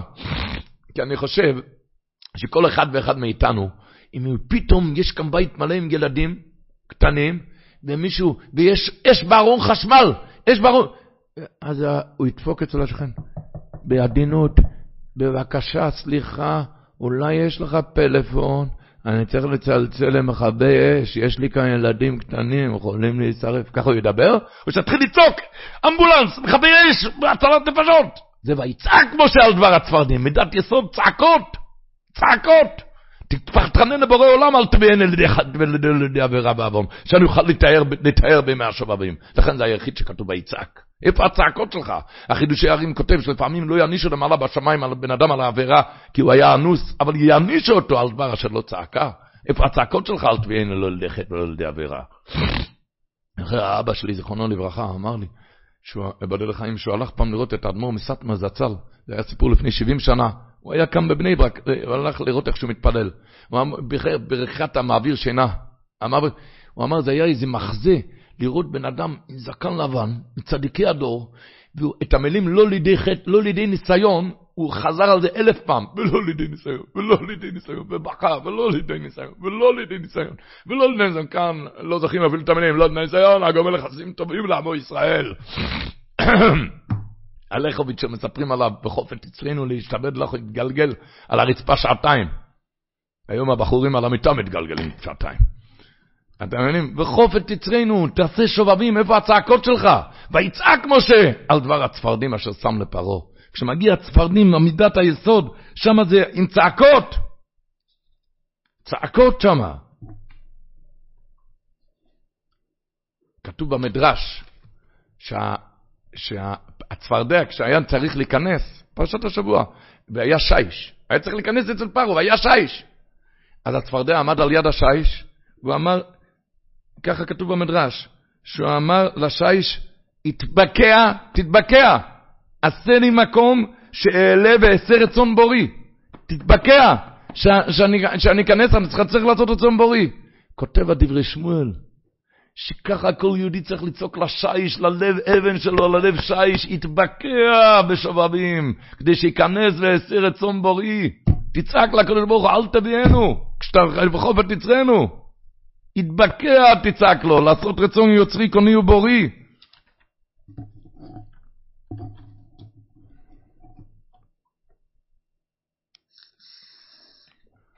המכה היחידה, שעל זה גם כתוב בתבאש היאור, בתבאש, זה רק כתוב בצפרדים.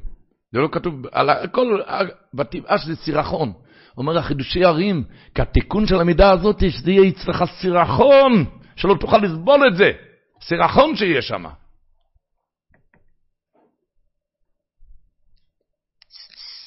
היה יהודי בירושלים, קראו לו רבי צלאל מילכיקר. רבי צלאל מילכיקר, הוא היה רבי צלאל ברנשטיין, מילך זה חלב. מילכיקר, היו קוראים לו כי היה מוכר חלב, זה לא, פעם היו מסתובבים עם העגלות לבתים למכור חלב. והיה, סיפר לי יהודי שיהיה בריא, קוראים לו רב חיים זילברמן. היהודי הזה, הוא זקן, שיהיה בריא, הוא אמר לי שהוא הלך איתו. הוא זוכר כל יום, לפני שהוא יצא, הוא אמר, הדבר הראשון, שתי מזמורי תהילים שינצל בשמירת עיניים. כי אנשים יצאו לקנות את החלב. ואחר כך היה לו כובע כזה, הוא ספר לי, זה היה כל יום.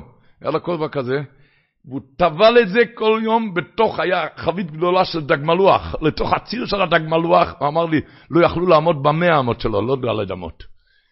וככה הלך איתו את הסיבוב, ואנשים יצאו, בשתי דקות הוא גמר את הסיבוב, זרקו את הכסף, לקחו, כי לא יכלו לעמוד על ידו.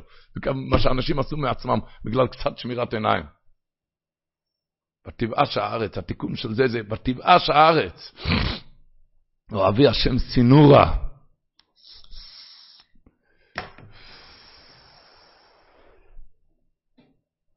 סיפרתי כאן, שלחתי פעם עם האבא שלי, זכרונו לברכה, ברחוב. הלך איתי ברחוב, קם באבן גבירול, היה בחג הסוכות, הוא הלך עם בגדי החג. היה צריך ללכת לאיזה סוכה לישון, אחרי הסעודה, עם בגדי החג. גמרתי כאן איזה רחוב, הוא, גמר, נסמך עליי ככה, כשהוא הלך. נסמך עליי. הייתי בחור מבוגר וככה, בסוף הרחוב היה כמה קבוצה של פלויניסטס, נשים.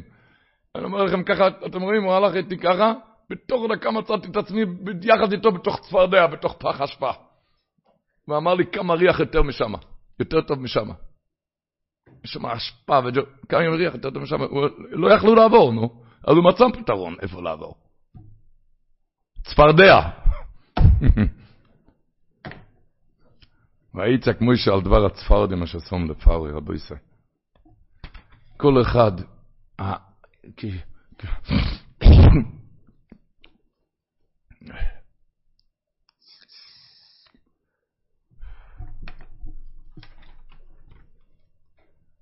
בן אדם חושב לעצמו, עכשיו ימי השובבים, אני אתאר עד הסוף, כן. ומה יהיה אחרי שובבים? הדבר הראשון יהיה טוב, זה הדבר הראשון. יהיה טוב וטובים. אבל רבי ינקיף קמנצקי אמר כאן איזה מאיר דגבות. אמר כאן רעיון נפלא. מוישה רבינו הגיע לפרוי, כבר קראנו את זה בשבת, שאמר לו, כה יאמר השם אלוקי ישראל, שלח את על על כמה ימים הוא רצה לצאת? שלוש ימים. למה רק על שלוש ימים? למה רק על שלוש ימים? אז ככה, קודם נקדים מה שכותב האלשיך הקדוש, שהקדוש ברוך הוא לא בא בטרוניה עם בריאותיו. היה לו ניסיון קשה להוציא את עם ישראל. היה לו...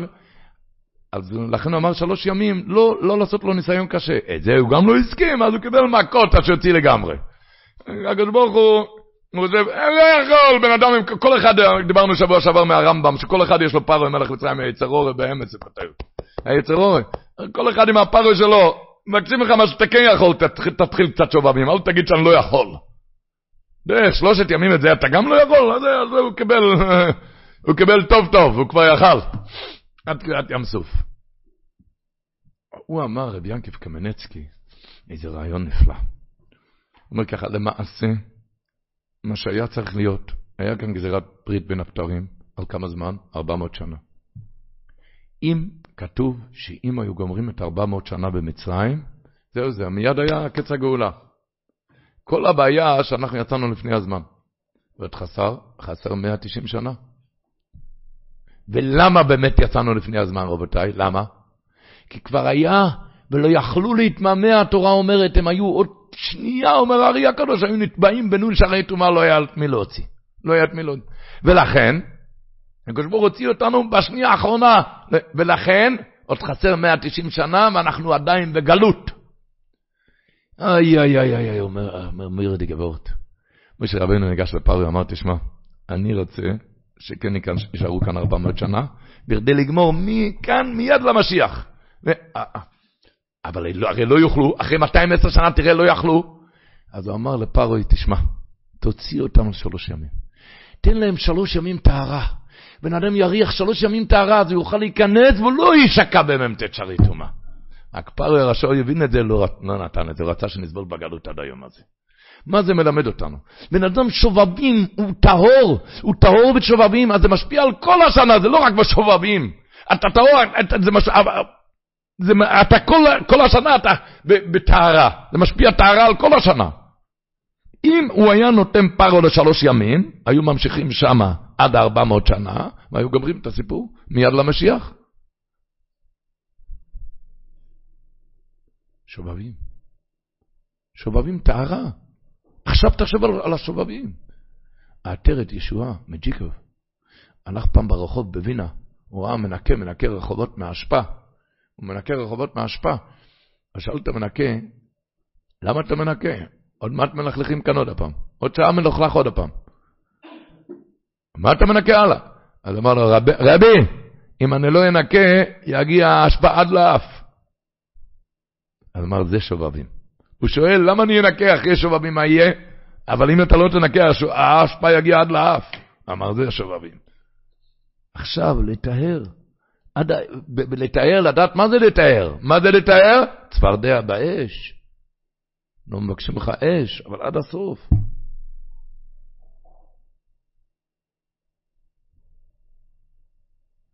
יש איזה שיר של הברדיצ'ה ברוב. צריכים ללמד את הקהל כאן. על אוי מני חוימו. אומר, בואו נספר מעלות של עם ישראל. מעלה אחד, אי מלא יש, אוי מני חוימו, אי מלא זה, מעלה אחד יש, אוי מני חוימו, עוד מעלה יש בורו, ככה מו. נבח, נבח, אתם יודעים מה זה נבח? מסכן. נבח, נבח, נבח, גוי לא בסורו. חודש, חודש, חודש, אפילו שגוי לא בסורו, דוח, דוח, דומסו, לא סומו.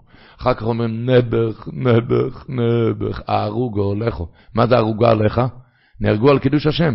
אחר כך אומרים נבח, נבח, מנכס שבס כצוין תיבכו. הדברי שמואל לא נתן לשיר את זה ככה. מה אתה אומר, נבח על ההרוגה עליך? מי שנהרג על קידוש השם, כתוב, המלאך אמר לבית יוסף, אם תזכה אתה תלך על קידוש השם. אם תזכה, אז אתה הולך להגיד, נבח הרוגה עליך? בן אדם שהולך על קידוש השם, אין לה מקום, הוא מגיע לכיסא הכבוד, נהיה לבושו של הקדוש ברוך הוא. איך אתה אומר נבח? הוא לא נתן לשיר את זה ככה נבח.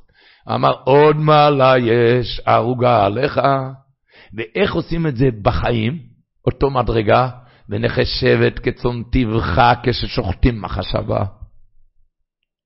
עוד פעם, עוד מעלה יש הרוגו, לאכול נהרגים על כשם, ואיך עושים את זה כשאתה נשאר חי ותישאר חי, ונחשבת כצאן טבעך כששוחטים מחשבה. אתה שוחט מחשבה לא טהורה, אתה מיד נהיה אותו, אותו קדוש כמו הרוגה עליך. לא מובן. לא, זה צריך להיות ברור. זה הביזנס של הקדוש ברוך הוא, בביזנס לא, לא, אין יו-יו. ביזנס.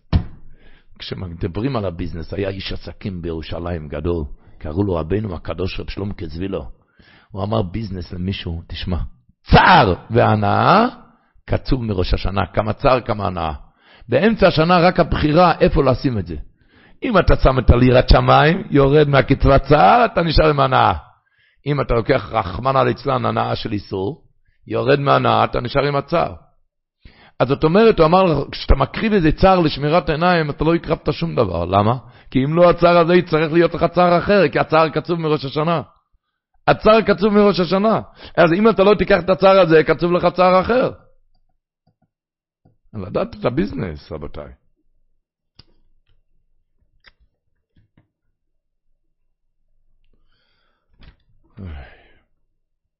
כל ערעור תשובה, כל תזוזה, וכל אחד, הקדוש ברוך הוא מקבל את זה. הסיפסי צדיק אומר, מוירי דגבור את פרשת השבוע, כתוב אחרי מכת דם, ויפם פרעה ויבוא אל ביתו, ולא שט ליבו גם לזאת. אני שואל, אני לא מבין, מה התורה צריכה להגיד שהוא בא אל ביתו, ויפם פרעה ויבוא... התורה רוצה להגיד שהוא הקשה את הלב אפילו אחרי מכת דם. ויפם פרעה, הוא ראה מה הולך, ויבוא אל ביתו ולא שט ליבו. מה התורה להגיד? יקשה את ליבו, ויפם פרעה ויבוא אל ביתו. מה מעניין איפה שהוא בא? הוא בא הביתה, לא בא... זה התורה הקדושה, למה התורה מספרת את זה? אומרת דברות נורא, כתוב בזוהר הקדוש, דף רל"ד, כתוב פסוק בתהילים, פנה אל תפילת הערער.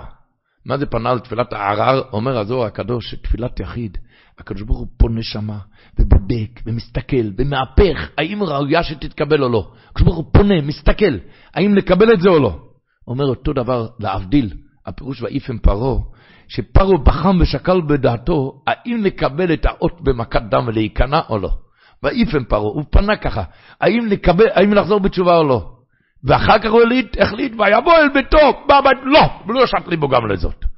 אבל תדע את הויפן הזו, האירוע הזה שהיה לו לחזור בתשובה, אולי כן, זה כתוב בתורה נצחי. אז תבין על אחת כמה וכמה, מה הערעור תשובה של בן אדם.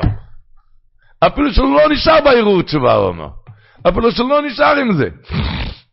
היה לו רגע אחד של ערעור טוב, ויפן פרעה, פרעה בחם ושקל בדעתו, האם לקבל את האות שבמכת דם ולהיכנע או לא. והיה לו רגע אחד של ערעור טוב, שבסוף גרב, גבר על יצרו, ושב לביתו, ולא שט ליבו גם לזאת. זה נכתב בתורה, ללמד לימוד גדול, שיראו טוב אפילו שלא תיקן, אין שכחה בשמיים. שכל עבודת האדם, להכניע את היצר, על כן כל יראו טוב יש שכר.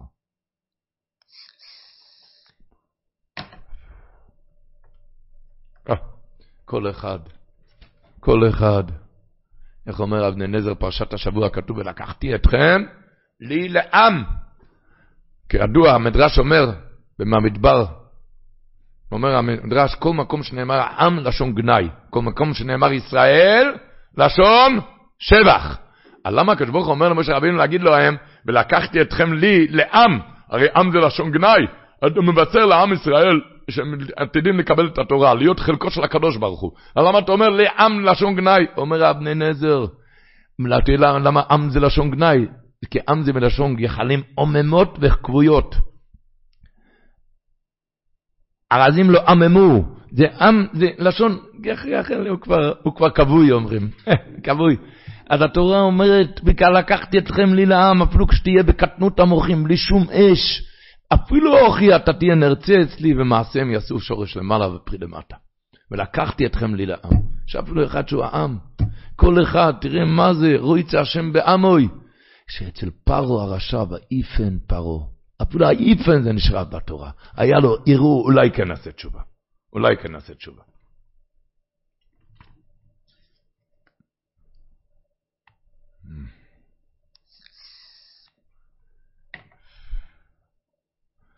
ורבותיי, הרי ידוע, מזה ודאי שלא צריך לדבר בכלל, התורה, השעות רצופות, בתורה, איך שזה מטהר, האור החיים הקדוש רבנו האור החיים אומר, כתוב ולא שמעו אל משה מקוצר רוח ומעבודה קשה. אומר האור החיים הקדוש, את זה הלשון, אקריא את הלשון קודשו. אולי כי לצד שלא היו בני תורה, לא שמעו, ולזה ייקרא קוצר רוח, כי התורה מרחבת ליבו של אדם. בן אדם אחרי דף גמרא, הוא מרגיש טוב, הוא לא בקוצר רוח, הוא במרחבת, ולא שמעו אל משה, למה? מקוצר רוח. אומר, אולי כי לצד שלא היו בני תוירו, ולכן לא שמעו, ולזה ייקרא קוצר רוח, כתוירו מרחבס, ליבו של אדם. יש מכתב של אבני נזר, כותב למישהו, זה בתשובה, בחושי משפט, תשובה צדיק ב', הוא כותב לו תשובה על מה שהוא אה, שאל, אחר כך הוא כותב לו, ודבר בריאות גופך, הוא הזכיר את עצמו משהו שלא בריא, ודבר בריאות גופך כאשר יהיה למותך באופן הראוי, בטח תהיה התורה ריפות לשעריך ושיקוי לעצמותיך, כמו שגם כתוב. אז שובבים זה זמן ש, שמתרפים, היה בן אדם מוטרד, אבל הוא טרוד, הוא לא יכול, אה? הוא לא יכול. אדיב שמואל כותב, כשיש לבן אדם דאגה קטנה, מה העצה? שילמד דף גמרא אחד. אם יש לו דאגה יותר גדולה, ילמוד שתי דפים גמרא. כשיש לו דאגה קשה מנשוא, ילמוד שלושה דפים גמרא, ואז יוכל להתחזק ולהתגבר על הכל. הוא מסביר שם, זה הפירוש אחד המ"ח קניינים, קנייני תורה, אז הוא מתיישב ליבו בתלמודו. הוא אומר, מתיישב ליבו, איך יהיה לו ישיב דת בתורה על ידי דף גמרא. תשמעו, רבותיי, תורה זה מציאות, זה מחכימת פצי. אחד מרגיש שזה ממחכמת, אחד מרגיש שזה מפתי, אבל זה מציאות. זה בן אדם אחרי דף גמרא, הוא אומר, רבי חון אלפרה מביא כזה אמרה יפה, בסוף הפרשה כתוב, החיטה והקוסמת לא נוקו כאפילות עינה. הוא כתב חיטה, כמה זה גימטריה? כ"ב. זה אותיות תורה שבכתב. קוסמת, אותיות מסכת. חיטה וקוסמת. אחד שיש לו תורה שבכסף ותורה שבעל פה, לא נוקו. כזה אחד, לא נוקו. הוא נשמר מכל הכאה וצרה. ולא רק זה, רק אפילות עינה. מה כתוב במדרש אפילות עינה? פילו, פילי פלאות נעשו להם. כך כתוב במדרש. אחד כזה זוכה לפילי פלאות. שעות רצופות בתורה. שעות רצופות בתורה. אמרנו כבר, הסטייפלר היה אומר, בן אדם שואל, אבל איך אני אעשה שלוש שעות רצופות? זה קשה לי, אה? ועוד ארבע אתה מדבר. הסטייפלר היה אומר, שעם עשר בדיחות אפשר ללכת רגלי מירושלים לבני ברק. מה, עשר בדיחות? רגלי? עד הכניסה לעיר זה בדיחה. מהכניסה לעיר עד שורש, גם בדיחה. משורש עד חבצלת, גם בדיחה. אחר כך עד שער הגיא, עוד, בקיצור, עם עשר בדיחות מגיעים רגלי. אז אמר, מה? בחור חושב, ארבע שעות רצופות אני לא יכול, אבל חצי שעה ללמוד רצוף, זה בדיחה? תתחיל עם בדיחה. אם הבדיחה יצחיק אותך, תמשיך עוד בדיחה, עוד חצי שעה. ומה יקרה אם פתאום מצאת את עצמך שלמדת סדר שלם כמו שצריך? אה? מפחד שיקרה משהו שום דבר, לא לפעמים, בסלונים היום אומרים, אין אדם מת וחצי תאוותו בידו, חצי נקרא לשבור. הרבה פעמים בן אדם מפחד, הוא צריך להגיד את זה באמצע נאום. אין אדם מת וחצי תאוותו בידו, עוד אף אחד לא מת מלשבור תאווה, לא, תישאר בחיים, אל תפחד. מקסימום תרשה לעוד אנשים לחיות על הדרך. אתה לא תמות ותגרום שעוד כמה אנשים לא ימותו. אין עוד דומה זה חצי תאוותו בידוי. זה רצוף, בחז"ל כתוב, אין, אין לו, משולים שחור בסמיגדוש, אין לו לקדוש ברוך הוא באילומוי, אלו דלת של הלוכה, למה של הלוכה בלבד, מה זה בלבד? אתם איפה כותבים צ'ק? בלבד, בצ'ק. בלבד שאף אחד לא יעז לצרף עוד משהו, זה נקרא בלבד. לומד רצוף, עכשיו סגור הטלפונים, לא מסתכלים אפילו. אצל יעקב אבינו כתוב נטמן בשם ועבר, למד שם 14 שנה, למה כתוב נטמן? תדע איפה זה נטמן. בהר הזיתים כתוב פה נטמן. שם לא נכנס פלאפון ולא טלפון, אין צג, שום דבר. פה נטמן. ככה לומדים. זה שעות רצופות שכתוב ביסוד אבוידי, שזה מזכך לכל ההבנות, לכל כל ההבנות. חיים ונוז'נו מביא מאביל נגוין שאמר על דברי הזוהר הקדוש, שידוע, הדברי, הדברים החמורים שם על, ה, על החטאים, אז הוא כותב שם, הגאון מבין למה כתוב בסוף, שאחד שעוסק בתורה אבל רצוף, אז זה מכפר ומטהר ומזכך, מטהר ומכפר ומזכך, אבל כשזה כזה סיפור של בלבד. והשכר לזה, כתוב בגמורה, כל העסק בתוירה. אומר רבי שיוע בן לוי, מסכת סבא דזורה, הציבור זוכר את הגמורה? אומר רבי שיוע בן לוי דובר זה, כוסו בתוירה ושונים במביאים, שילוש בכסיבים, כל העסק בתוירה נחוסף מצליחים לו. זה הצלחה בביזנס, נכסיו מצליחים לו. בעמוד א' כתוב, אומר רב עבדים ברחומי, כל עסק בתוירה, הקדוש ברוך הוא אויס אלוהי, חפוצוב. אומר המרשו על המקום מויר דגזך, מה זה חפוצוב? מה הוא הוסיף? אומר, נחוסוב מצליחים לו, הפירוש הוא תשקיע, תעבוד בביזנס ותצליח. כאן הוא הוסיף, הקדוש ברוך הוא לא יחפוץ בלי שיעשה, בלי מעשה כלל. כך אומר המרשו. אתה לא צריך לעשות שום דבר. חפצה, בגלל שאתה רוצה, זה יגיע אליך. ככה אומר, ככה הוא כותב, בלי שום, בלי שום מעשה כלל. מה, לא רק הבחור מוטרד באמצע הלימוד, הוא צריך, אבל יש לו איזה טלפון דחוף שצריך לסדר. המרשו מבטיח לך, הקדוש ברוך הוא לך חפצו. תאמין בקדוש ברוך הוא. הקדוש ברוך הוא יעזור לנו. אוי, השבת זה שבס מבורכים של שבט. חידוש הערים מביא, שבט ראשי תיבס, שולוים ברוכה טויבה, שומרם בורכים טרם, שנשמע בצירס טויבס. הדברי חיים, מצוות צנזה אומר, אין בשבט טוב של שבט אין מכשול. שכולנו נבשע בדבר ישוע ורחמם, לנו ולכל ישראל.